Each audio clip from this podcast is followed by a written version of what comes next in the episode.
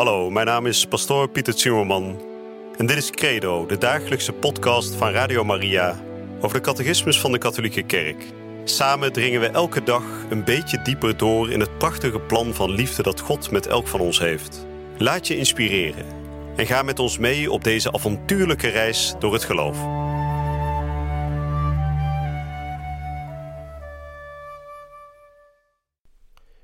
Broeders en zusters, beste luisteraars. U bent weer hier met ons verbonden bij Radio Maria voor de dagelijkse catechese. Van harte welkom. En de dagelijkse catechese is een programma waarin we elke dag kort even stilstaan bij een paar nummers uit de catechismus. We hebben gisteren gesproken over het geloof en wat geloven precies betekent. Dat geloven niet alleen maar een woord uh, is dat uitdrukt dat we het niet zeker weten, een soort twijfel, zoals we tegenwoordig vaak uh, horen. Maar dat geloof in de bijbelse zin van het woord betekent gehoor geven aan. Gehoor geven aan wil zeggen, God openbaart zijn plan. Hè? Hij zendt zijn zoon Jezus Christus naar de aarde, die alles zegt en alles doet wat nodig is om ons hel, de verlossing te bereiken. En het antwoord van de mens op datgene wat God begonnen is, hè, God heeft altijd het initiatief, en het antwoord van de mens op die openbaring van God, dat noemen we geloof. Geloof betekent ook gehoor geven aan, omdat geloof ook ons in beweging zet. En we hebben de vorige uitzending gehoord dat in die zin uh, Abraham ook de vader is van alle gelovenden, van alle gelovigen. Want hij is degene die zich volledig met zijn hele persoon in beweging liet zetten, gehoor gaf aan de uitnodiging van God om hem te volgen. Dus God openbaarde en Abraham antwoordde met een volmondig ja. We hebben in de vorige uitzending ook gehoord dat dit geloof een bloei vindt, een, een, een, een um, bekroning vindt als het ware in het geloof van Maria. Maria, de volmaakt gelovige, degene in wie helemaal geen nee tot God is. Dus alles wat Maria zegt en doet is één groot ja aan de opdracht, aan de uitnodiging van God. Nou, we gaan daar vandaag op door en we gaan vandaag ook spreken over dat geloof vertrouwen betekent. Als je zegt ik geloof in God, dan zeg je eigenlijk ik vertrouw op God. U kent in het Nederlands ook wel die uitdrukking van ik geloof in jou. Als je zegt ik geloof in jou, dan bedoel je niet te zeggen ik twijfel of je eigenlijk wel bestaat, hè, zoals we wel eens uh, over God beweren. Nee, dan zeg je, ik vertrouw op jou. Ik geloof dat jij goed bent en ik geloof dat het goed is om jou te volgen. Nou, dat type geloof, dat is ook het Bijbelse geloof. Het vertrouwen dat we God kunnen volgen met heel ons hart en dat dat ook goed is om Hem te volgen. We gaan vandaag lezen de nummers 150 tot en met 155. En we zullen zoals gebruikelijk eerst weer beginnen met gebed. In de naam van de Vader en de Zoon en de Heilige Geest. Amen. Heer God, wanneer wij zeggen ik geloof in U, zeggen we niks anders dan ik vertrouw op U. Op het moment dat we ons geloof uitspreken, spreken we uit dat we ons hart aan U willen geven, dat we ons volledige vertrouwen op U willen stellen. En dat er geen mens of schepsel in deze wereld is dat hetzelfde vertrouwen verdient als U. U bent onze schepper.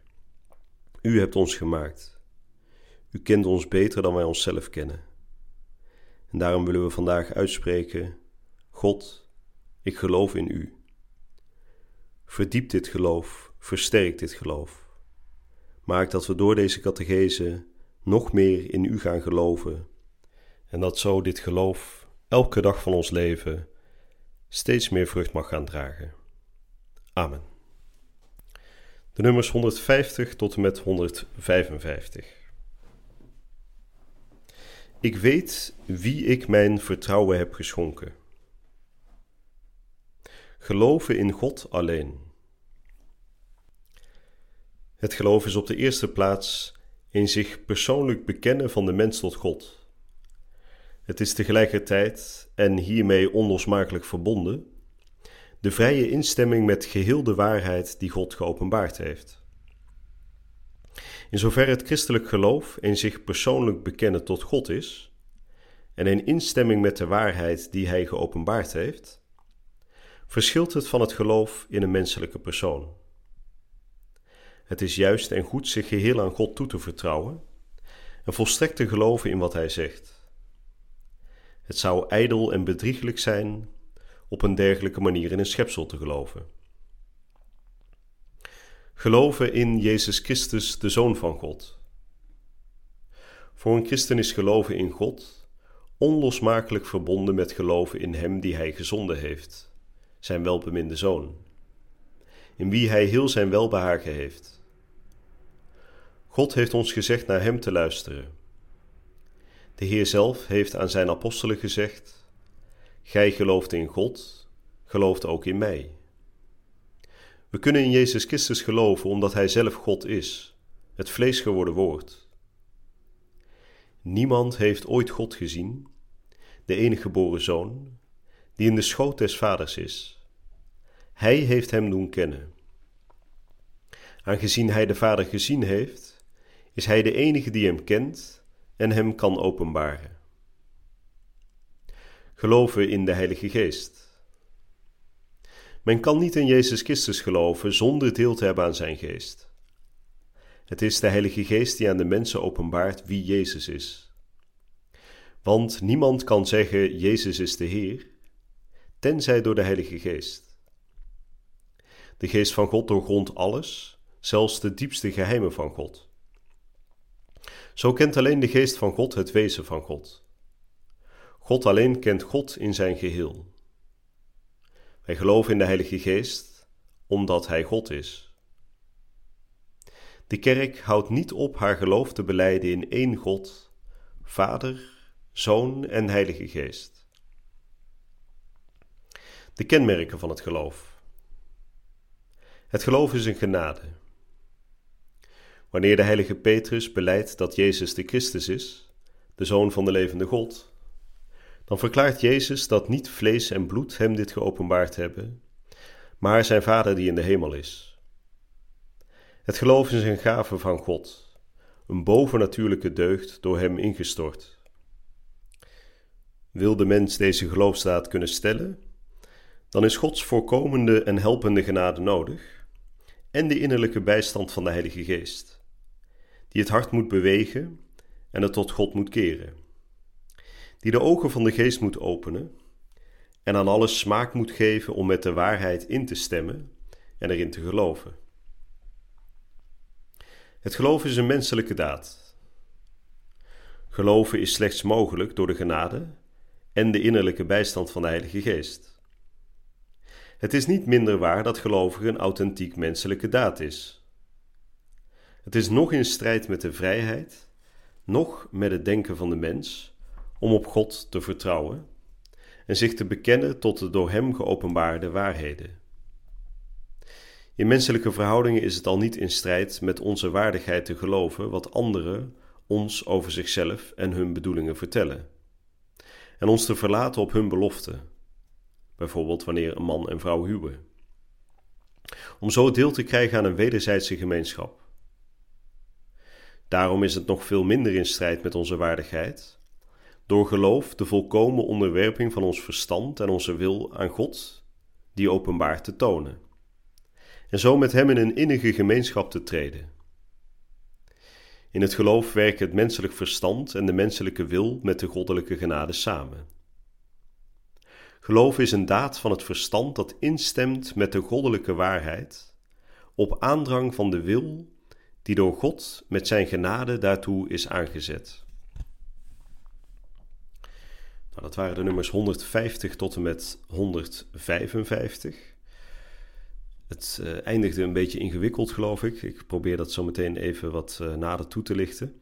Maar eerst even het begin van wat we zojuist hebben gelezen.